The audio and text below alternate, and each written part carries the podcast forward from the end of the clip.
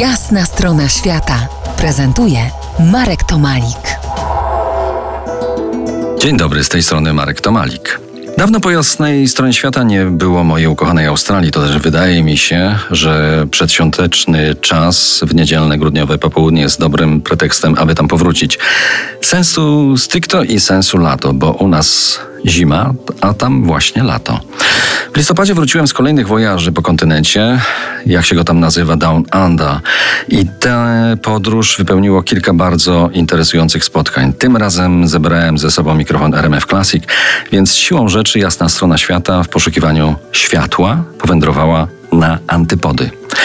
Zanim Was tam zabiorę do serca kontynentu, do Alice Springs, w tej części naszego dzisiejszego spotkania opowiem o moich rozmówcach, którzy zagoszczą na antenie RMF Classic w kolejnych pięciu odcinkach naszego spotkania.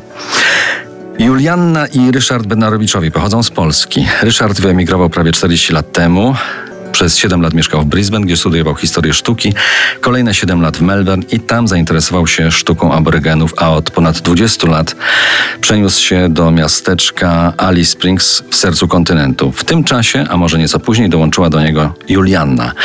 I oboje zafascynowali się sztuką aborygeńską. Ryszard napisał książkę Sztuka aborygenów, Juliana maluje portrety artystów aborygeńskich.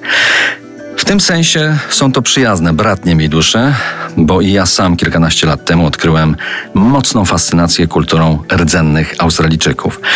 Dlaczego chcę Wam dzisiaj otworzyć bramy tej sztuki? Z dwóch powodów. Po pierwsze, jest ona bardzo słabo u nas tutaj znana, a drugi powód, znacznie mocniejszy, to jej zupełna odmienność od tego, co znamy w tak zwanej cywilizacji zachodniej pod pojęciem sztuki.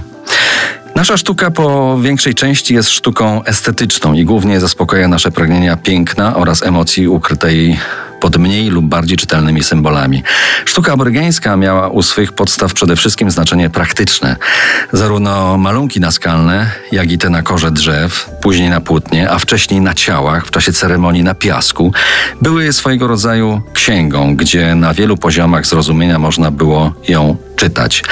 Jeden obraz był jednocześnie mapą, najczęściej widzianą z lotu ptaka, a także zapisem praw i obowiązków, a także przewodnikiem po mitologicznej krainie totemicznych przodków. Jednocześnie mógł też podpowiadać, jak podzielić upolowanego kangura czy złowioną rybę. To wszystko, a nawet jeszcze więcej w powtarzających się na przykład współśrodkowych okręgach, falistych liniach, tropach zwierząt. Za kilkanaście minut zapraszam na pierwszy fragment rozmowy przeprowadzonej w domu Juliany i Ryszarda Bednarowiczów w Alice Springs, w samym centrum Australii.